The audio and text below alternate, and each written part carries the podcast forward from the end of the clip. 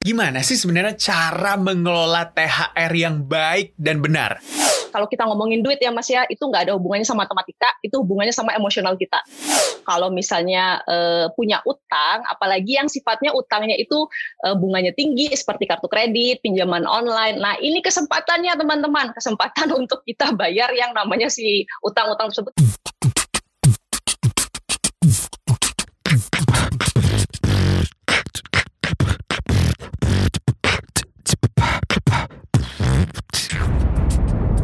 Cuap-cuap cuan. Selamat pagi, selamat siang, selamat sore, selamat malam Sobat Cuan di mana pun Anda berada yang sedang mendengarkan podcast CNBC Indonesia di Cuap-Cuap Cuan dan juga sedang menyaksikan Cuap-Cuap Cuan di Youtube Cuap-Cuap Cuan tentunya. Senang sekali saya Muhammad Gibran kembali menyapa Anda dan kita tahu ini adalah bulan suci Ramadan, momen yang penuh berkah dan juga insya Allah Anda akan mendapatkan berkah bagi para pekerja ataupun pegawai akan mendapatkan tunjangan hari raya atau THR ya biasa kita dengarnya. Nah besaran THR ini kan kita ketahui biasanya biasanya ada yang satu kali gaji atau mungkin perusahaannya yang sedang baik-baik saja dan mungkin yang bisa memberikan dua kali gaji atau tiga kali gaji tergantung bagaimana kebijakan perusahaan masing-masing. Tapi aturan dari Kementerian Tenaga Kerja tentunya minimal satu kali gaji itu adalah hak yang didapatkan oleh para pekerja di seluruh Indonesia ketika bekerja lebih dari masa satu tahun. Kalau kurang dari satu tahun, biasanya tergantung dari kebijakan perusahaan masing-masing lagi kembali tentunya ya. Nah, tentunya di zaman ataupun di masa pandemi COVID-19 ini kita tuh harus benar-benar bijak mengelola THR kita karena kita ketahui masanya penuh ketidakpastian. Kita harus survive benar-benar survive dengan tunjangan hari raya yang bisa saja ya menjadi modal bagi kita atau mungkin kita mau menjadikannya modal atau mem memenuhi kebutuhan sehari-hari. Kita tentunya harus mengelolanya dengan bijak dan harus uh, menggunakannya juga dengan tepat sasaran. Kita akan bahas tentunya di hari ini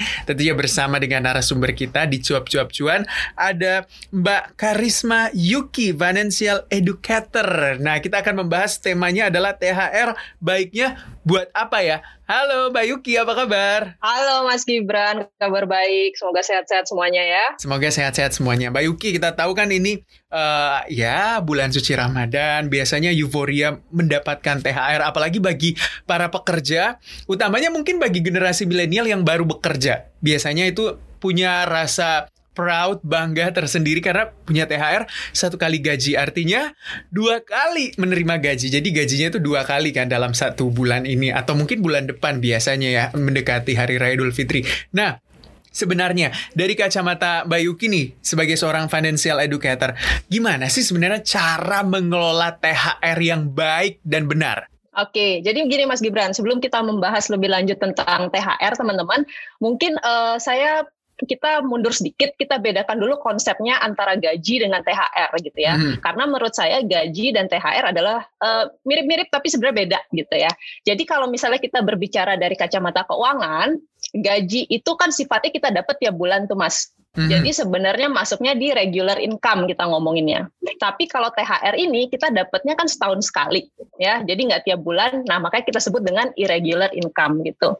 Nah, apa pun yang sifatnya regular income, maka biasanya lebih cocok dipakai untuk mendanai atau membiayai yang sifatnya juga regular expenses atau pengeluaran yang sifatnya itu teratur regular. Jadi perlakuannya itu memang agak sedikit berbeda gitu kalau kita ngomongin antara gaji dan THR. Nah sebenarnya kalau kita ngomongin gaji itu kan kita dapat tiap bulan kita udah tahu tuh larinya ke mana gitu. Ibaratnya kita udah punya anggarannya kan. Pos-posnya gitu ya. Pos-posnya udah ada kan gitu. Jadi untuk kebutuhan hidup udah ada mungkin untuk bayar cicilan gitu kan yang punya cicilan mobil, cicilan KPR tuh udah ada pos-posnya kemudian untuk tabungan dan investasi, nah itu kan udah ada juga gitu. Nah kalau kita ngomongin THR, THR ini karena seperti yang saya bilang tadi itu irregular income yang dapatnya setahun itu. THR kan artinya tunjangan hari raya yang memang pada dasarnya kita diberikan untuk membiayai kebutuhan hari raya kita.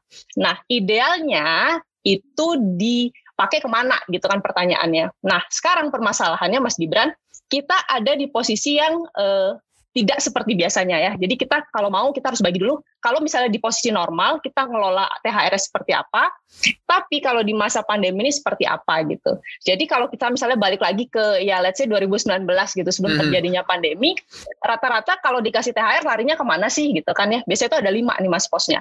Satu biasanya pasti kan uh, teman-teman muslim pada berzakat dulu tuh ya. Jadi harus ada uh, zakatnya dulu. Kemudian ada kebutuhan mudiknya ya jadi tiket pergi pulang itu harus sudah ada gitu kemudian ada pos lagi untuk uh, halal bihalal itu kan biasanya cukup besar karena biasanya kalau keluarga besar uh, ngumpulnya rame-rame biayanya konsumsinya juga jadi lebih besar kan gitu Hmm. Kemudian yang keempat kita ngomongin ada amplop-amplop yang dibagikan buat keluarga sama uh, mungkin orang yang membutuhkan gitu ya.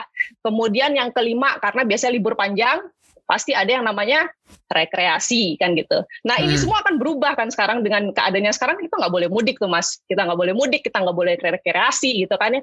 Jadi pos-posnya ini pun juga akan berubah di masa pandemi ini. Jadi kalau ditanya lagi, gimana sih teman-teman ngelola THR? Di uh, masa pandemi ini gitu ya. Jadi yang pertama biasanya kalau saya saranin uh, tetap zakatnya harus jalan gitu kan ya. Mm-hmm. Zakatnya tetap jalan. Yang kedua mungkin uh, karena kita di masa pandemi ini mungkin ada teman-teman yang kemarin cash flow-nya mandek gitu kan. Jadi harus ngambil utang, ya udah sekarang saatnya untuk memakai THR ini untuk membayar sebagai uh, proporsi uh, cicilan tersebut gitu, cicilan utangnya gitu kan ya.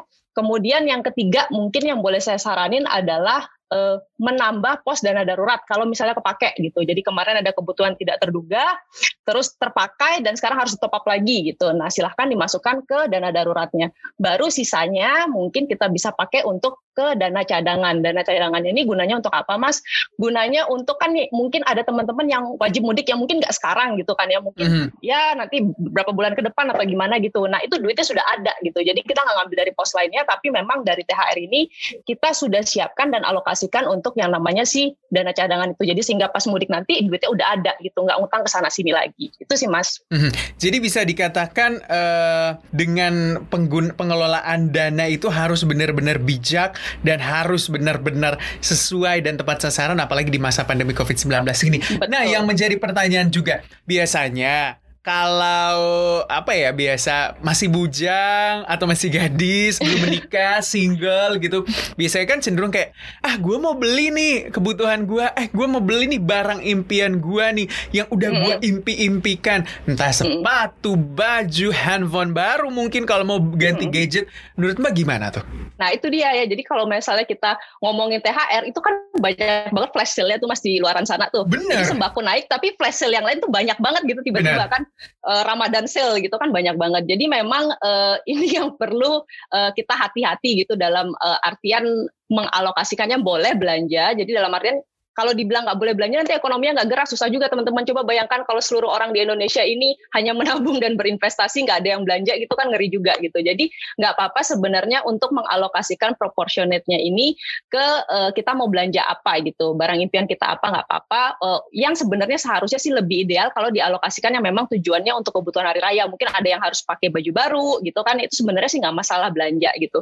Tapi kalau dirasa tidak ada urgensinya atau masih bisa diundur gitu ya Mas ya? Ya silakan sih menurut saya sih lebih idealnya nantian dulu deh. Karena kan kita juga berada dalam kondisi yang masih nggak menentu ya. Jadi jangan sampai nih kita memaksakan diri membeli barang impian nanti besok-besok bingung duitnya dari mana buat hidup aja nggak bisa gitu. Jadi jangan hmm. sampai kejadiannya seperti itu gitu. Jangan sampai juga hidupnya nggak sustainable gitu ya. Berhenti di satu hari tertentu. Nggak tahu nih mau pakai apa nih beli makanan atau bahan pokok ah, gitu. betul. jadi kebutuhan primernya benar-benar dulu yang harus dicukupi mencukupi. Jadi pertanyaan selanjutnya, kalau misalnya punya utang, gimana tuh? Iya, jadi uh, seperti yang uh, saya tadi omongin gitu, kalau misalnya uh, punya utang, apalagi yang sifatnya utangnya itu uh, bunganya tinggi, seperti kartu kredit, pinjaman online. Nah, ini kesempatannya teman-teman, kesempatan untuk kita bayar yang namanya si utang-utang tersebut yang mungkin agak susah kan dapat sumber pendapatan dari mana. Nah, ini kebetulan ada THR, kita dapat bonus nih satu kali gaji, dan kebetulan juga nih kita nggak harus mudik, kita nggak harus rekreasi, alokasi, kita nggak perlu halal bihalal dulu kan gitu. Nah, jadi ini kesempatan buat uh, alokasi dari THR tersebut mungkin teman-teman bisa pakai 10-20 persennya untuk uh, alokasi pembayaran si utang ini gitu sih Mas. Hmm, jadi memang nggak nggak dipakai semuanya gitu. Misalnya hmm. punya utang, contoh misalnya kartu kredit ya, apalagi anak milenial hmm. itu paling banyak kartu kreditnya gitu. Atau punya kartu kredit. Misalnya punya utang kartu kredit, an, an, anggaplah nih ya Mbak, kita hitung-hitungan nih. Terima THR 10 juta, berarti gajinya 10 juta dong. Berarti iya regular income-nya 10 juta, terima THR Betul. 10 juta. Tapi ternyata punya utang sekitar kurang lebih 15 juta di kartu kredit. Mm -hmm. Seperti apa mm -hmm. pengelolaannya dengan bijak gitu? Uh, Oke, okay. itu sebenarnya kalau sudah keadaan seperti itu agak gawat ya sebenarnya ya. Karena mm-hmm. kalau kita ngomongin jumlah utang itu udah lebih besar daripada pendapatannya. Jadi uh, sebenarnya kalau kita ngomongin utang itu ada beberapa teknik dari uh, kacamata personal finance yang teman-teman bisa pakai. Jadi apakah kita mau menggulung, kita ngomongnya debt snowball. Jadi kita cari tuh, kita list dulu utang-utang yang kita punya tuh apa aja kemudian kita lihat hubungannya yang paling tinggi mana, kita alokasikan ke uh, pembayaran yang either nominalnya lebih kecil atau bunganya tinggi ya gitu. Nah biasanya kalau nominal yang kecil itu biasanya kita selesaiin dulu supaya apa? Supaya kita ada psychological boostnya. Jadi kalau misalnya kita udah selesai bayar satu utang ini, oh ternyata saya bisa loh melunasin satu utang nanti akan bergulung ke utang-utang yang lain gitu. Jadi tentu aja nggak bisa langsung jebret semuanya dapat THR 10 juta tapi utang 15 juta mungkin agak susah. Jadi yang teman-teman mungkin bisa lakukan adalah mencicil mengambil proportionate dari THR tersebut uh, untuk ditambahkan lagi ke uh, pembayaran utang itu. Jadi jangan sampai dapat THR kita senang-senang dulu, hore-hore dulu, tapi kewajibannya dilupakan. Itu yang agak bahaya. Tapi kebetulan nih kita dapat THR, kita dapat tambahan income, ya why not? Kita spend itu untuk bisa ngelunasin utang. Jadi uh, tekniknya itu tadi bisa coba kita list dulu utangnya, cari yang mana uh, nominal lebih kecil atau bunganya lebih tinggi. Biasanya kalau yang bunganya lebih tinggi tapi nominalnya besar itu uh, agak susah moving on-nya. Jadi dalam artian psychological boost itu lebih jarang didapatkan. Jadi kalau misalnya mau sih saran saya mulai dari utang yang kecil selesaiin aja satu, nanti berikutnya utang berikutnya selesai lagi satu. Walaupun mungkin secara matematika uh, doesn't make sense ya, harusnya kan bunganya lebih besar gitu. Tapi uh, balik lagi kalau kita ngomongin duit ya Mas ya, itu nggak ada hubungannya sama matematika, itu hubungannya sama emosional kita. Hmm. Ya, jadi uh, apa pun itu yang secara emosional memberikan kita kenyamanan, choose uh, the direction sih menurut aku gitu. Oke, jadi bayar yang memang benar-benar kita bisa bayar, jangan sampai hmm. kita mendahulukan keinginan kita. Eh, kayaknya saya mau beli ini dulu deh, beli gadget dulu, ganti gadget Betul. dulu atau beli sepatu gitu. Jangan sampai utangnya kecil-kecil kecil-kecil, ternyata jadi gunung gitu kan? Uh, itu nggak boleh benar-benar. Sama satu lagi mas, biasanya Apa tuh? Uh, hari raya itu kan hmm. kalau kita sekarang hari raya mungkin THR-nya cairnya sekitar paling lambat kalau saya nggak salah baca tuh awal Mei ya. Benar. Jadi awal awal Mei cair. Nah itu teman-teman jangan lupa habis itu masih ada kehidupan yang berjalan. Jadi gaji berikutnya itu kan masih bulan Mei akhir. Jangan yeah. sampai sebelum Lebaran udah habis duitnya, atau sesudah lebaran itu bingung dapat duitnya dari mana lagi dibuat bertahan 10 hari gitu dua minggu gitu kan ya ada duit. Uh, uh, jadi jangan lupa itu ya hidupnya tidak berhenti di THR. Bener itu yang paling penting hidup anda itu nggak cuma selesai hari ini aja tapi sustain terus menerus terus ke depannya. Nah itu kan kalau misalnya kita kasusnya case-nya punya utang nih tapi kalau hmm. case-nya biasanya kan orang bilang harus punya dana darurat. Biar mm -mm. someday gitu terjadi sesuatu kita bisa mempersiapkannya dengan baik. Entah mm kita nggak minta-minta gitu ya amit-amit masuk rumah sakit terjadi kecelakaan atau apa pun itu pokoknya dana darurat itu gimana tuh? Apakah bisa THR dialokasikan sebagai dana darurat. Mm -mm. Oke, okay. jadi kalau kita ngomongin dana darurat, sebenarnya ini dana darurat boomingnya ketika 2020, ketika ada pandemi ini tiba-tiba berasa kok begini ya hidup gue ya gue perlu duit ya tiba-tiba gitu kan ya padahal zaman dulu kayaknya karirnya oke okay, kerjaan oke okay, ekonomi oke okay, nggak butuh-butuh banget dana darurat gitu gajinya masih cukup gitu nah once uh, ada pandemi ini tiba-tiba kita ada yang kena PHK ada yang kena gajinya dipotong tiba-tiba sumber pendapatannya habis dan harus survival barulah muncul si dana darurat ini nah dalam keadaan yang tidak menentu sekarang ini uh, perannya si dana daruratnya jadi lebih penting banget teman-teman. Nah balik lagi seperti yang saya bilang tadi kan banyak tuh kebutuhan yang biasanya di waktu normal kayak uh, mudik halal bihalal itu nggak ada jadi bisalah duit ini kita alokasikan ke posting uh, ke posnya si dana darurat itu kalau seandainya nih dana daruratnya sempat kepake jadi kalau misalnya hmm. dana daruratnya sudah terisi udah cukup ya nggak usah di top up lagi ngapain gitu kan ya karena itu kan dana idle ya dana nganggur jadi kalau punya terlalu banyak juga nggak ideal gitu jadi just right amount buat teman-teman merasa nyaman secara financial berapa silahkan dialokasiin di sana gitu. oke okay. yang penting makannya nggak dikurangin ya maksudnya nggak hmm. menyiksa diri dengan cara Betul. berhemat yang terlalu hemat-hemat sampai mengikat-ikat pinggang terlalu kencang. Padahal likuiditas keuangannya atau uangnya sebenarnya ada, tapi ditahan-tahan jadi sakit malah gitu. Itu juga nggak boleh gitu ya Mbak ya? Betul, uh -uh, betul. Karena kan namanya kejadian live tuh kita nggak pernah tahu kehidupan seperti apa. Kejadian nggak terduga itu banyak banget. Tiba-tiba mobil rusak, rumah bocor, AC rusak, uh, hmm. tiba-tiba sakit nggak ke cover insurance kan kita juga nggak bisa ngomong ya. Jadi makanya penting banget sih namanya punya dana darurat. Bener. Eh tapi ini juga yang menjadi pertanyaan. Jika seseorang tuh punya uang, uh, punya utang, misalnya punya cicilan nih, tapi cicilan hmm. itu ternyata ternyata 0%. Biasa kan ada yang kayak gitu tuh cicilan mm, kan. Mm, 0%. Mm. Terus ternyata dia punya dana dar dia punya uang THR yang bisa dikatakan kalau misalnya dibayar secara keseluruhan dilunasin bisa cukup mm. gitu. Menurut Mbak apa perlu dilunasin atau ya udah jalanin aja karena kan bunganya 0% nggak ada nggak mm. ada bunga sama sekali gitu. Oke. Okay. Jadi kalau ditanya seperti ini sebenarnya mindsetnya balik lagi ke si orangnya tersebut. Jadi jangan sampai gini ibaratnya kan sekarang kalau kita berpikir oke okay, saya ada THR saya punya cicilan ya kebetulan 0% tapi kalau saya lunasin sebenarnya bisa gitu nah permasalahannya hmm. adalah banyak orang uh, yang ngambil cicilan 0% bulan depannya ambil cicilan 0% lagi, bulan depannya ambil cicilan 0% lagi, tiba-tiba jadi nggak cukup gitu pendapatannya. Itu yang harus berhati-hati. Tapi sebenarnya kalau dari kacamata uh, saya gitu, saya melihatnya sih sebenarnya nggak apa-apa gitu. Kalau punya uh, utang cicilan 0%, tapi punya kemampuan untuk membayar gitu Mas Gibran. Jadi kuncinya adalah jangan sampai kita berhutang tapi kita nggak punya kemampuan untuk melunasin itu. Kita tidak mhm. punya kemampuan untuk membayar itu. Selama kita punya kemampuan untuk membayar itu sebenarnya sih nggak masalah. 0% ya udah take advantage aja dari itu gitu nggak masalah. Benar banget. Yang penting kalau teman-teman semuanya satu sobat cuan yang punya utang atau mungkin punya cicilan, yang penting punya kemampuan untuk membayar. Jangan sampai nggak punya pendapatan tetap gitu, tapi tiba-tiba punya utang yang memang uh, continuity gitu tiap bulan harus dibayar, tiap bulan harus dibayar punya Betul. cicilan. Itu jangan sampai harus benar-benar dihindarin gitu ya, sobat cuan. Nah selanjutnya nih, kalau misalnya punya keperluan jangka pendek, entah mungkin hmm. renovasi rumah atau hmm. ganti mobil atau apa pun itu yang ya pokoknya yang jangka-jangka pendek atau uang sekolah anak atau apa pun mm. THR bisa nggak sih kita gunain untuk itu? Oke, okay. jadi uh, kalau kita ngomongin uh, kebutuhan jangka pendek, artinya kan kita ngomongin tujuan keuangan. Nah, kalau kita ngomongin tujuan keuangan, biasanya kita akan nyambungnya ke si investasi dan tabungan gitu, Mas. Hmm. Nah, uh, kalau kita ngomongin tadi gaji itu sebagai regular income, seharusnya sudah ada pos-pos yang kita ambil dari si gaji tersebut untuk dimasukkan ke tabungan dan investasi tersebut. Sehingga sebenarnya kalau ditanya perlu nggak sih saya menyisikan uh, investasi, eh menyisikan dana THR saya ini untuk investasi gitu. Sebenarnya jawabannya sih uh, belum tentu nggak perlu juga gitu, nggak hmm. harus gitu. Dalam artian ya memang THR kalau dapat THR ya udah pakai aja itu untuk keperluan hari raya. Tapi kan banyak juga tuh mas yang masih single, nggak perlu ada keperluan untuk uh, menjamu keluarga gitu kan ya. Nah, itu malah dijamu mungkin ya. Malah dijamu kan.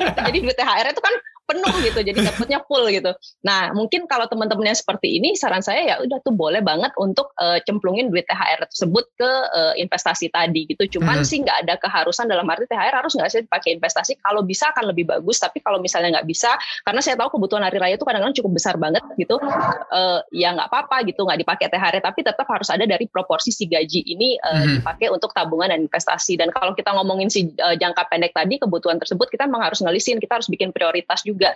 Yang mana sih uh, kebutuhan-kebutuhan yang memang bisa saya danai untuk jangka 1-2 tahun ke depan gitu, duitnya memang udah harus dipersiapkan dari sekarang teman-teman. Sebenarnya kalau kita ngomongin juga uh, Lebaran, itu kan Lebaran itu sesuatu yang kita maksudnya bisa diprediksi ya, mas. Tiap tahun tuh pasti ada namanya hari raya.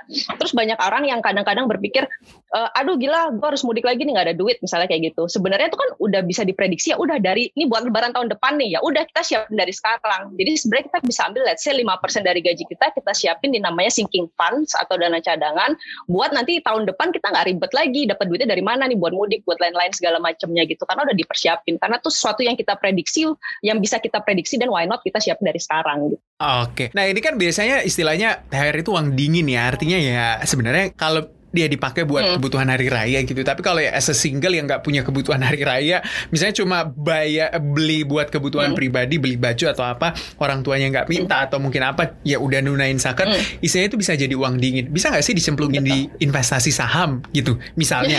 atau yang paling hype sekarang mungkin lagi banyak cryptocurrency gitu, walaupun ya masih mengandung pro kontra gitu. Oke, okay.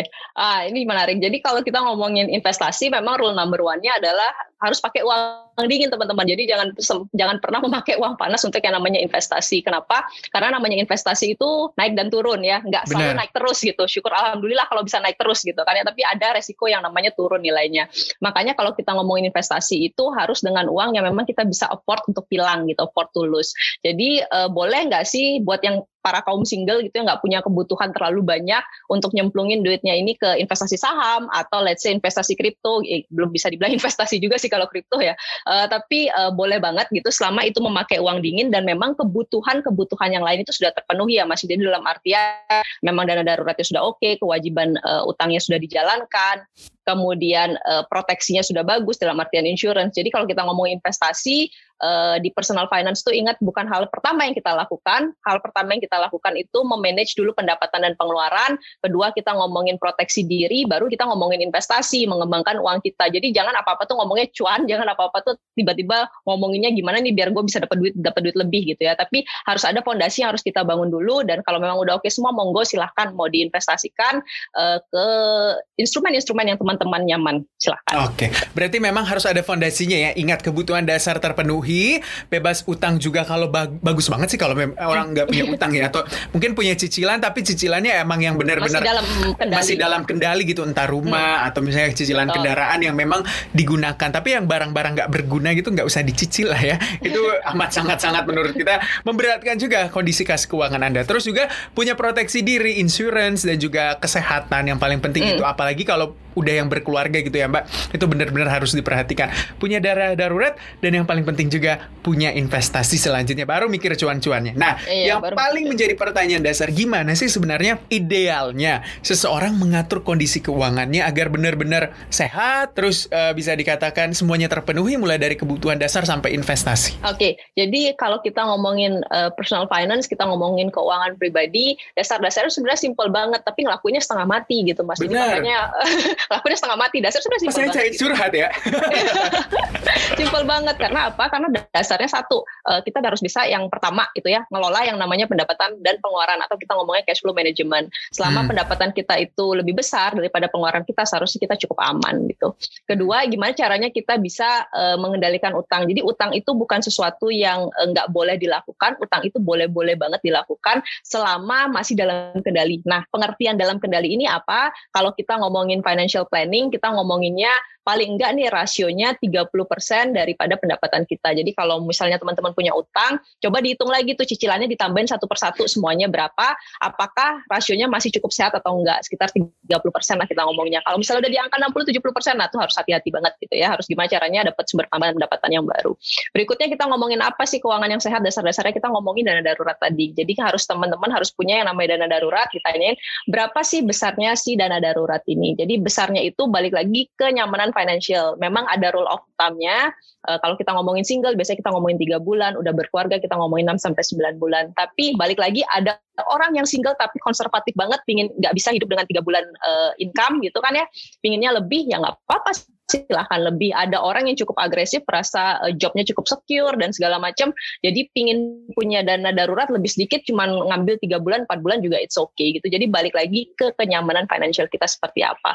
Baru deh yang tadi sudah uh, Mas Gibran Barus juga uh, tentang insurance, tentang protection. Jadi proteksi diri itu penting banget karena kita nggak pernah tahu yang namanya biaya kesehatan itu inflasinya salah satu yang paling tinggi di Indonesia. Jadi penting banget untuk punya namanya asuransi. Baru deh kita ngomongin investasi. Jadi itu dasar-dasarnya sih kurang lebih itu step-stepnya mas uh, doing budgeting, doing cash flow segala macam. Cuman memang balik lagi ke lapangan ke prakteknya uh, sangat susah dilakukan. Itu benar-benar butuh motivasi sendiri butuh pengendalian diri butuh benar-benar harus ngerti kenapa sih gue ngelakuin ini. Karena kalau kita cuma sekedar disuruh ngelakuin kadang-kadang kita males gitu ngelakuinnya. Gunanya apa? Benefitnya apa buat gue gitu. Jadi balik lagi harus tanya ke diri sendiri sih. Penting gak sih buat gue metik kontrol keuangan gue atau ya udah nggak apa-apa yolo aja gitu. Itu kan balik hmm. lagi preferensinya orang. Hmm, yang paling penting ngatur keuangan juga harus benar-benar apa ya independen dan diri sendiri yang mengatur ya mbak. Betul. paling hmm. penting apalagi kalau misalnya berinvestasi investasi itu benar-benar harus under kontrol kita gitu, under mm-hmm. under kontrol masing-masing gitu. Jangan sampai ya terjebak gitu iming-iming return yang tinggi Anda mempercayakan keuangan Anda atau investasi Anda ke orang lain. Itu jangan sampai ya. Nah, apa sih sebenarnya kesalahan yang biasa dilakukan tiap orang itu atau ya pribadi-pribadi gitu dalam hal mengatur keuangan mereka? Oke. Okay. Uh, mungkin salah satunya tadi yang Mas Gibran uh, bahas gitu ya. Kalau pernah lihat memesnya tuh kan ada tuh Mas, memes anak kecil yang ngeloncatin tiga anak tangga. Mm. Itu. Jadi itu kalau di keuangan biasanya orang-orang tuh langsung skip yang boring-boring tuh di skip ngomongin iya. uh, ngomongin dana darurat, ngomongin insurance kan boring banget gitu. Aduh apaan sih ini nggak seru banget gitu kan. Itu di skip. Jadi loncat langsung anak tangganya ke investasi. Jadi ngomonginnya langsung cuan gimana sih gua ngembangin duit.